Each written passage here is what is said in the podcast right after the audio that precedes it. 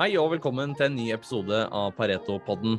Den gangen her så er det biotek og helseaksjer vi skal rette søkelyset vårt eh, mot, i anledning til at vi den 1. og 2. september ber inn eller våre kunder til vårt årlige seminar for helseaksjer. Der får du lære litt mer om de over 60 nordiske helseselskapene som skal presentere, og for å snakke litt uh, overordna om sektoren og gi en liten guide for hvordan du kan navigere seg rundt i en uh, kanskje litt vanskelige biotekverden, så har jeg med meg fra Stockholm en av Paretos life science- og helseanalytikere, Dan Akshuti. Velkommen så mye, Dan. Thank you very much. Uh, Dan, you're uh, originally Swiss, uh, so we'll do the podcast in English. Uh, and uh, to start off a bit, uh, could you tell us a bit about your background? Uh, because most uh, equity analysts have an education and background within business or finance or economics, but within life science, that's not often the case. how did you end up as a stock analyst as in life science at Pareto? Uh, yeah, exactly. So, so my background is in uh, molecular biology. Uh, so that's a focus on on the uh, nucleotides like DNA, RNA uh, stuff. And uh, then I worked in drug development at the Novartis Pharma. That's a, a, global pharmaceutical company headquartered in Basel, Switzerland. And after around six and a half uh, years, I got more and more interested uh, also on the stock market and, and started investing also privately uh, in some US uh, biotechs around clinical trial news. And uh, yeah, I think that was kind of the start of of that move into into uh, now being a, a sell side analyst at Pareto. I, I, guess it's an advantage to to be uh, medically educated, but uh, is it an uh, essential necessity in uh, in assessing these uh, these companies? Do you think?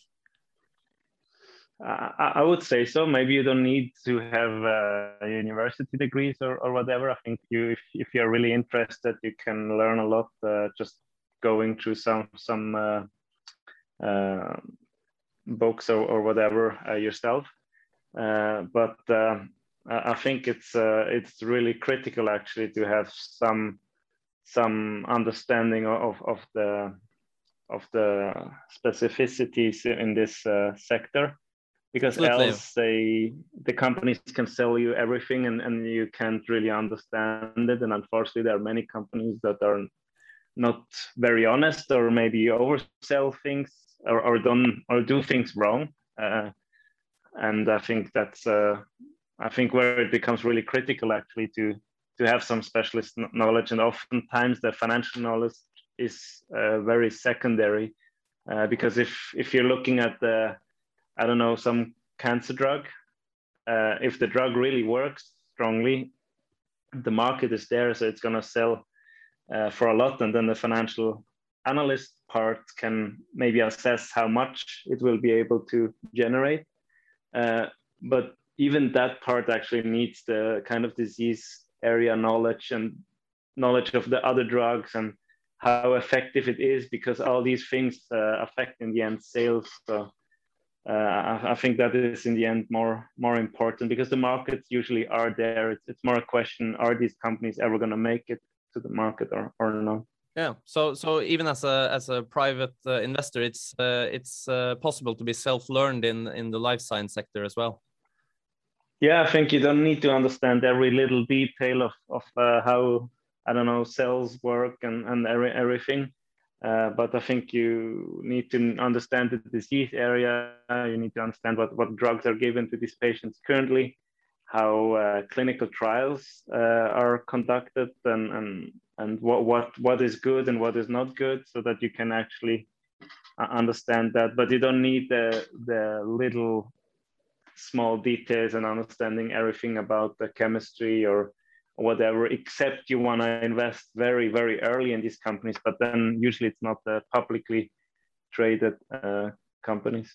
Yeah, uh, you're you're a part of our health, uh, life science team uh, in Stockholm. Uh, in in the Pareto Group, where it it numbers uh, four people. It's three in in Stockholm and one in in Frankfurt. what sort of companies do you guys mainly cover? Uh, exactly. Yeah. Uh, so I think uh, we have Christian Lee, for instance. He's focused on on medtech companies. There, I think it's usually easier to understand the value proposition, and but then these companies also can have lots of challenges actually selling once they reach the market. But the way to the market is less risky maybe than with drugs. What what what's uh, a, have... what's a typical medtech uh, company or a medtech product? Uh, typical med. I mean, we have, for instance, uh, uh, on the coverage uh, where we did, I think, the IPO. so they're they're selling a, a kind of a software to, and also like a, a simulator to to have like surgeons test kind of or, or do a surgery uh, in a simulator before actually doing it in the patient. Yeah. Uh, so that that is a kind of a medtech product. And you have other companies like Sedana, I think a stock that has performed very well that we had on the coverage, uh, which is uh, changing kind of the the way on how you uh, sedate people in the hospitals. Uh, so it's a much more convenient device. So it's usually medtech is something it's some sort of device. Uh, it's not the it's not a drug. Hmm. And uh, our, our, in our life science team, uh, the the coverage is often on uh, on small growth uh, companies, not uh, not always on the on the big medical conglomerates.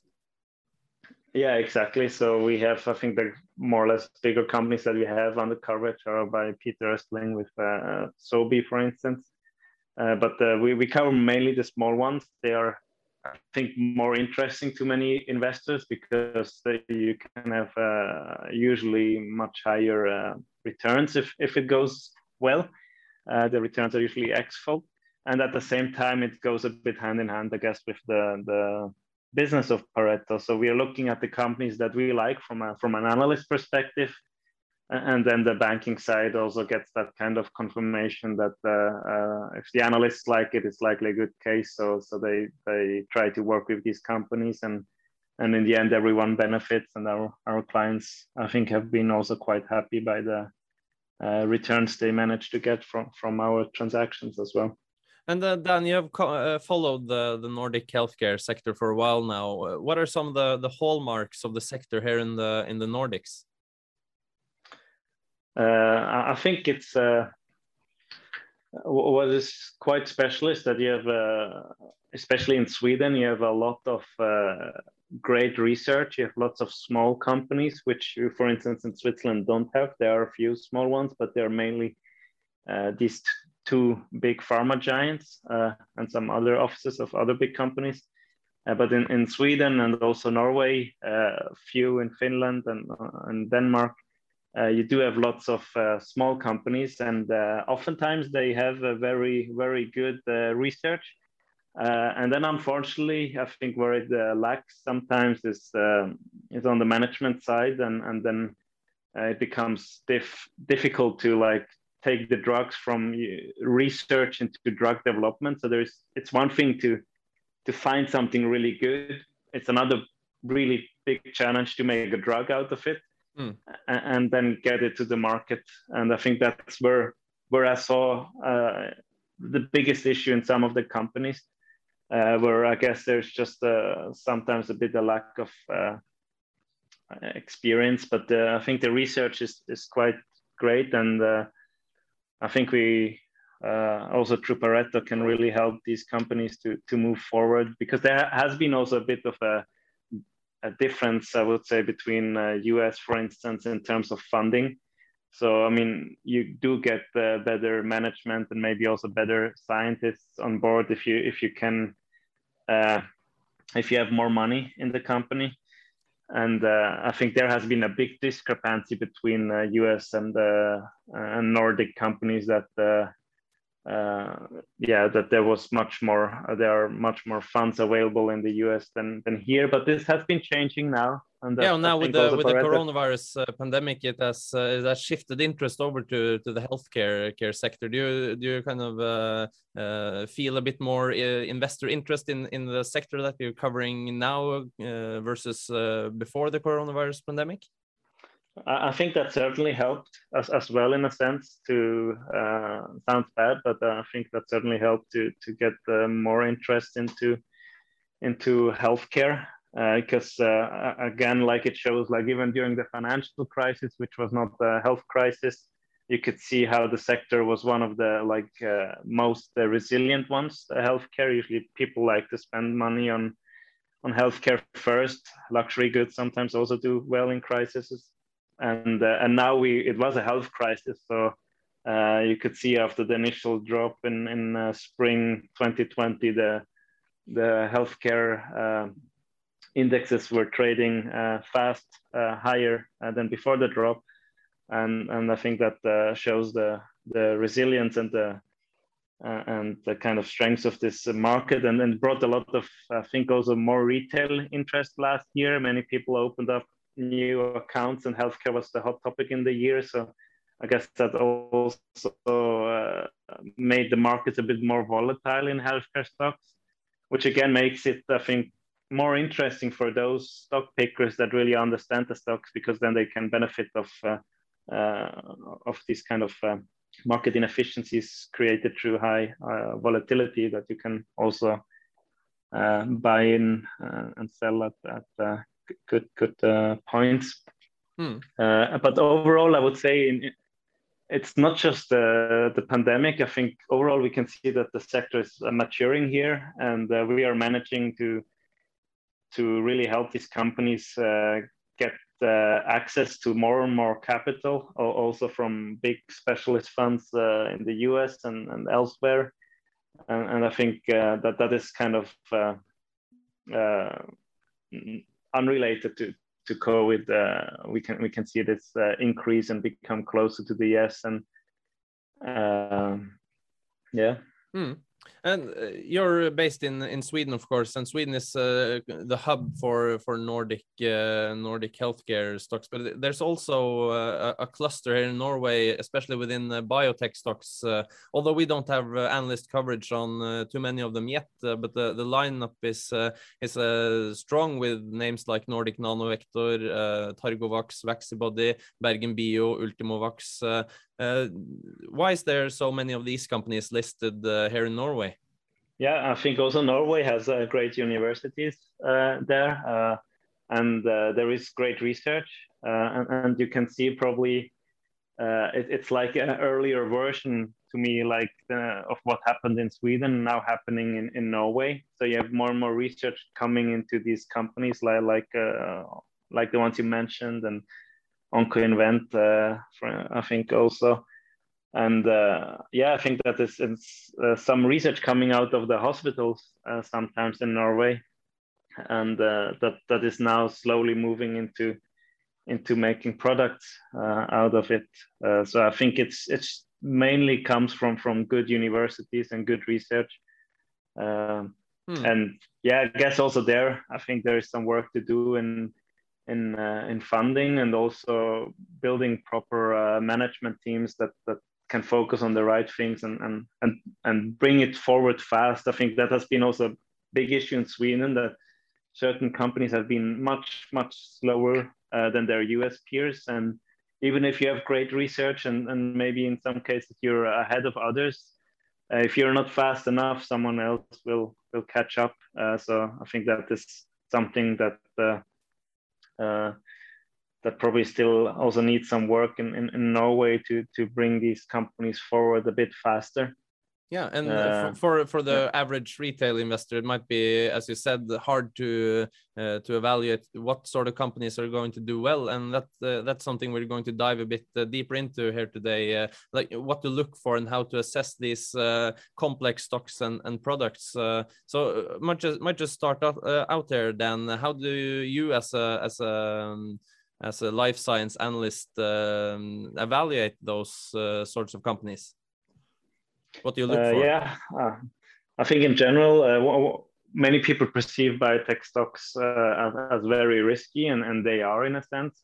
And one should never just invest in one company, and also not uh, I don't know, get, get, in love with a company. If something is going wrong or, or really not moving as it should, then one should take uh, the consequences. Uh, but if, if you have a, a, bunch of good companies, so you can see that the sector actually uh, really outperforms others. Uh, um, but then, yeah, what you look at, I think, is that you should really look at each company individually, and uh, it's important to to think critically about everything. So analyze every piece of information uh, with a critical perspective, and, and that you don't take anything at face value. Like the most serious uh, looking management team could could sell you something that is not correct. Uh, I think that is something that you unfortunately really need to think about all the time. So uh, you have to have in the in be, the back of your yeah. head, of your head that the, the management might be trying to fool you. Uh, then either that or that they are not um, that they are kind of did something wrong and, and presenting it in a in a right way. But if you actually dig into the details, you will see that there is something wrong. So you should be just have a very critical mindset when you look at these companies. Mm. Uh, and, and, and what helps, I think, in the beginning that you save maybe some time is to, to look uh, for any sign of past uh, kind of corrupt behavior or, or bad behavior of, of the company or the current management team. Sometime it was run by a bad management team in the past, and now there's a new management team. Uh, and then the company might trade very low, even though now it's actually a good case. So that also creates a nice uh, discount based on a, on a bad past. So you can find out these things if you look at the company's uh, past and current management. Yeah. Uh, because in, in, in many of these companies it's quite a lean uh, management teams uh, you know the many companies are just growth companies who are only burning cash to to perhaps have some product to, to sell in the future. So they're just burning uh, burning cash. Uh, does that make the import uh, well of course management is always important in in a company but is it uh, is it possible to say that it's more important in in life science and biotech companies yeah i, I think it in the end uh, it, it's really a, uh, you need to look at these companies holistically. So it's, it's, the management that is important the science is important the financial prospects are important. If, if they are going for some indication where there are like tons of competitors uh, big pharma competitors their drug is not very innovative but the management is great and the clinical trials are great it will still not be a good case and there are some examples like that uh, without men mentioning names. Uh, so you, you kind of can't get around of looking at everything and everything has to be good to, to make it a, a good case. And, and yeah, I guess management is in, in most cases the issue. Uh, but uh, in some cases, it's the opposite. The, the science is actually uh, very boring and, and mm. the management is great. and mm. then, then usually what happens is they manage to, to pump up the stock a lot and and move forward a lot and, and then in the end the, the awakening uh, uh, comes sooner or later. Uh, so it's it's really important to understand the the clinical area uh, in which uh, the the company is going. Like is it some i don't know uh, rare lung disease? What are the drugs currently there? What is the market size? How is does it look reimbursement wise um, and and and then how how are the prospects of the drug? So what data is out there already? Uh, mm. I, I, think for more less uh, specialized investors, it, it's good to wait until maybe uh, phase two data is out. So that's usually the clinical phase where the drug shows uh, some efficacy, uh, safety and efficacy. And, and it's still maybe not easy to read, but uh, it's much easier to read than what comes before that. Yeah. And uh, if if that looks good and you can compare it maybe to some others then then it becomes uh, uh, maybe a good case. And of course again like everything has to be looked at holistically. So you need to look at the valuation. Is it is it already high? Is it uh, still very low? And uh, i think uh, there you can use relative valuation as well. Dcf makes sense to a certain extent Hmm. But uh, yeah, I think in the end, it, it, it, there is no way around hard work. I guess like you, if you really wanna get a good amount of alpha, you, you will have to do the, the hard work and, and, and do some due diligence in in in in the kind of business factors, the, the scientific factors, and, and also the financial uh, prospects. And uh, and then maybe wait for enough puzzle pieces uh, of the case to come together that you can actually see the the picture of the puzzle, the, the outcome, uh, even even without all puzzle pieces, and, and then maybe you can still get the uh, get into the stock at a fairly low valuation with with much less risk than maybe if you go very early when you're uh, more unsure where, where it needs more and more uh, specialized uh, knowledge yeah, because you, you mentioned uh, phase uh, two here as a as a good uh, good entry point for uh, for the more novice uh, investor. Uh, most medicines I get the feeling of is developing in these phases. Can you can you take us through how a new medicine or um, or product in in healthcare is developed? What what are these these phases? I mean, there there is this this. Um textbook approach where you start with a phase one trial, then you have a phase two trial, and then a phase three. And the phase one looks at the safety of the drug, sometimes in healthy volunteers, sometimes already in patients. Then the phase two trial will look at the safety and efficacy and also test more doses. Uh, so the phase one might also test already the maximum tolerate, tolerable dose uh, but it might also occur only in phase two. And then in phase two, you might have uh, three doses of, of, a drug, and, and you have uh, more patients, and you will see, okay, uh, the, the, higher the dose, the better the effect. That, that gives you some confidence uh, that the drug is actually working. At the same time, you can maybe rule out that the drug is very toxic, or at least the risk is reduced. And then in the phase three trial, you, you test the drug at the usually one specific dose. It can also still be more than one um, at, at a much larger patient population or, or different intervals of dosing, uh, maybe weekly or monthly.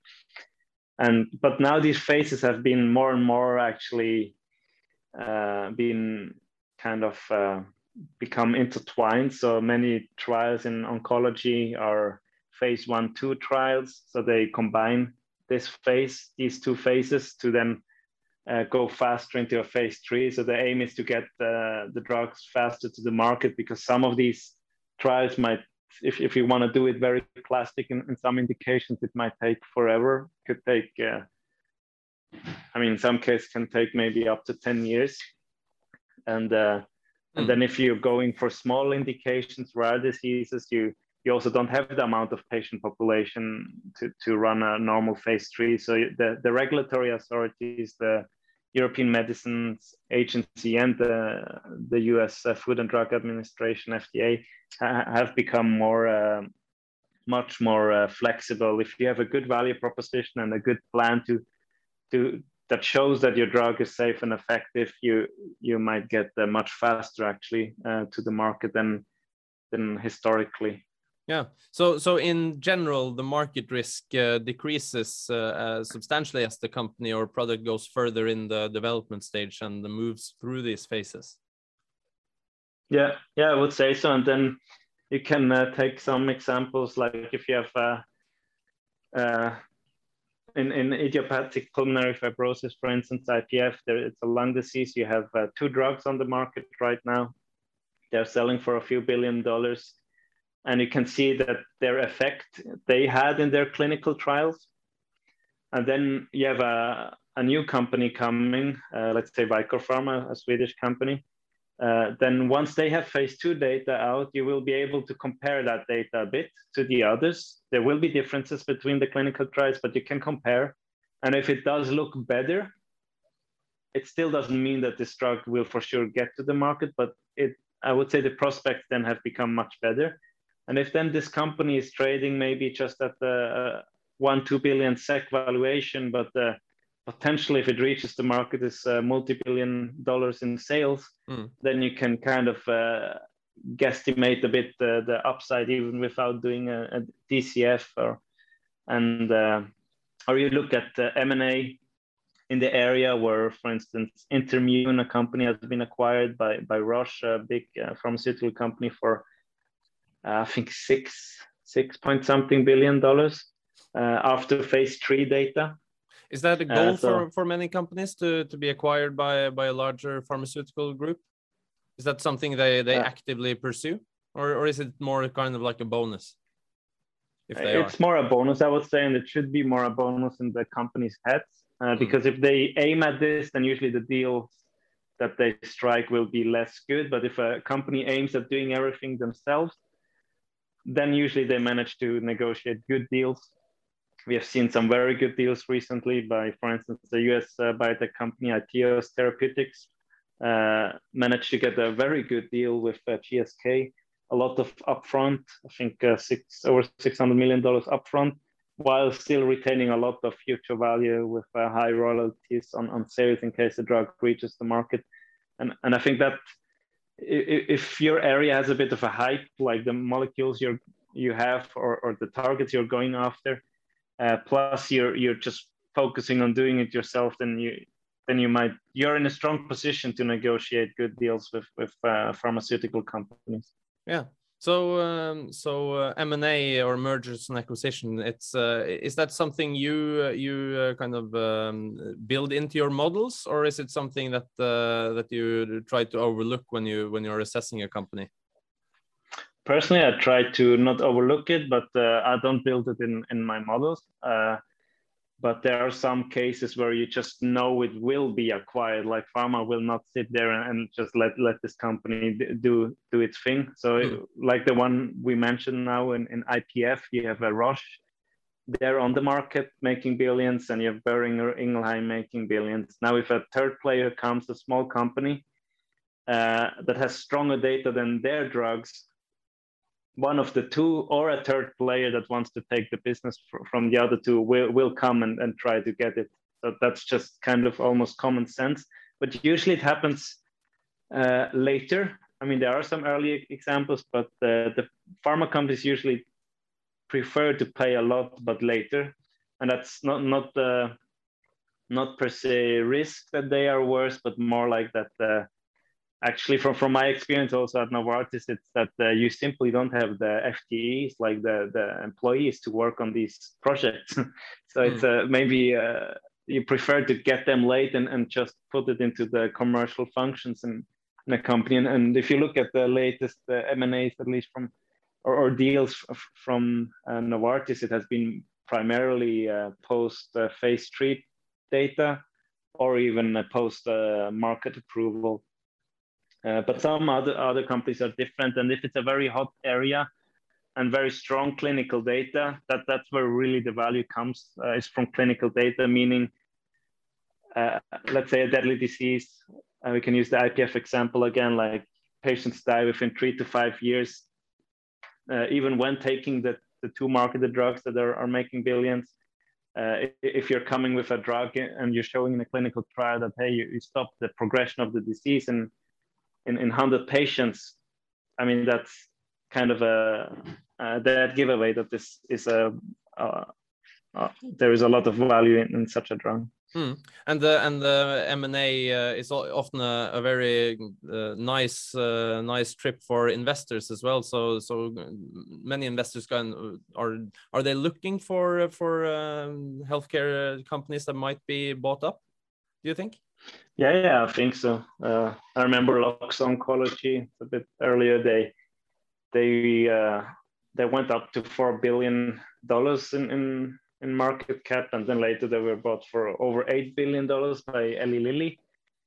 Uh, so I think that is uh, something that can really happen, but you don't need to wait for it. If you look at other companies, the mm well, when they post good data, like uh, Mirati Therapeutics started to post good data of, of their drugs in, in 2017, it was still valued at around 150, 200 million dollars.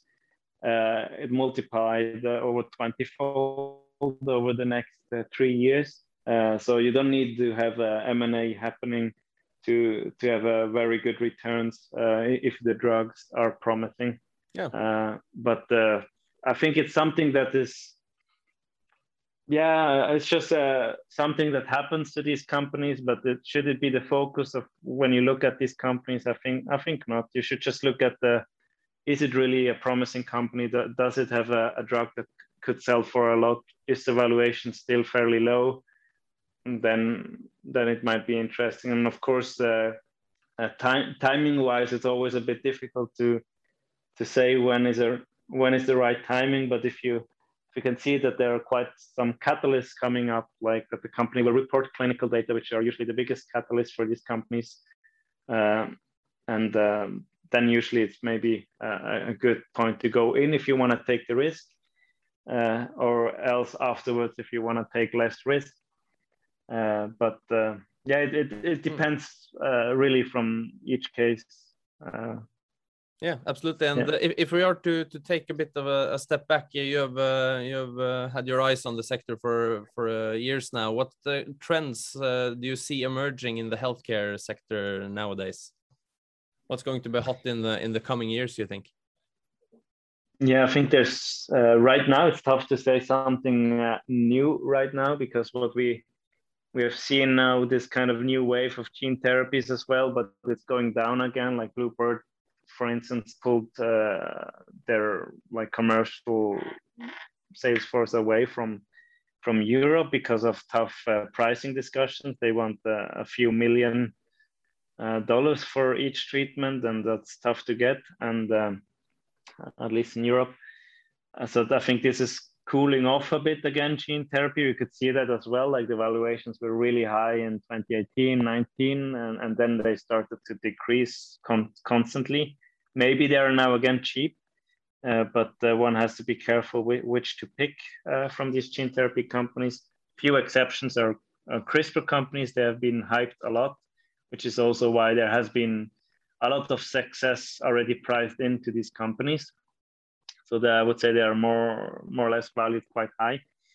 Uh, mRNA RNA companies. Uh, there there are many different types of RNA, not just the messenger RNA, mRNA. There are short interfering RNAs. That's uh, that, that, that's the same uh, same stuff that the Moderna and Pfizer uh, coronavirus vaccines yes. was made of, right?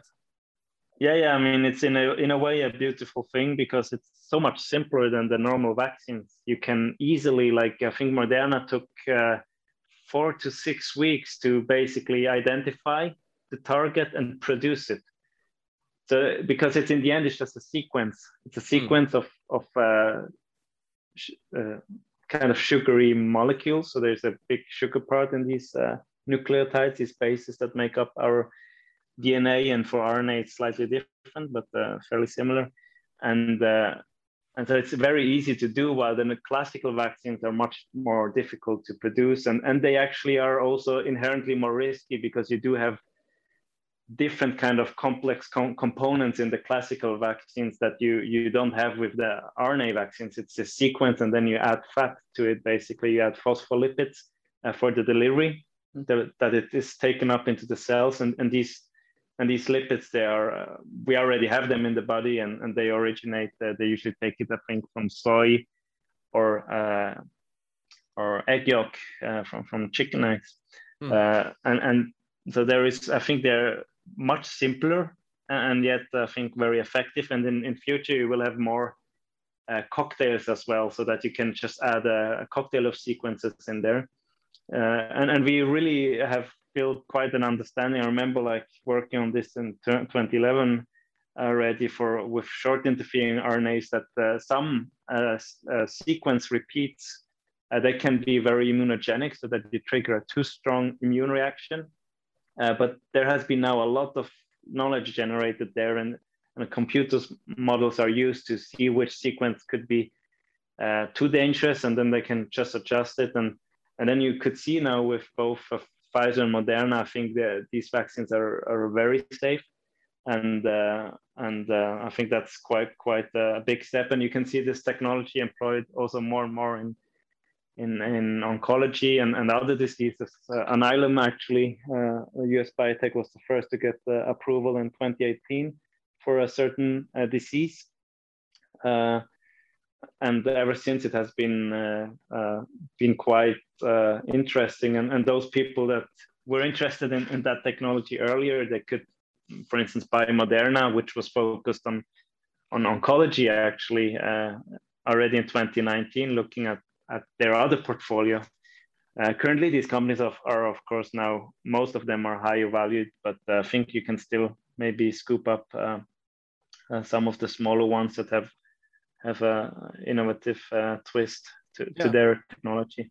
And uh, and many of them uh, will uh, will present at our healthcare conference on the first and second of uh, September. Uh, what's there to look forward to on the on the conference? You think? Yeah, I think we have this year a record of 67 companies, if I'm not mistaken here. Uh, I think it, it's uh, there. There are lots of interesting companies. Uh, it's uh, well to look forward specifically. I think if you look at some of the promising companies that are getting uh, from from a more like less specialist perspective, maybe those that get to the market soon, like uh, Calliditas, for instance, they will have their um, approval date on the 15th of September. They're still fairly cheap, so one that doesn't want to take the approval risk can can get now a first overview of the company at the conference, and, and then maybe wait until the 15th uh, for the approval or, or, or buy before uh, if they are confident. Uh, and uh, but likely it's even still fairly cheap after approval.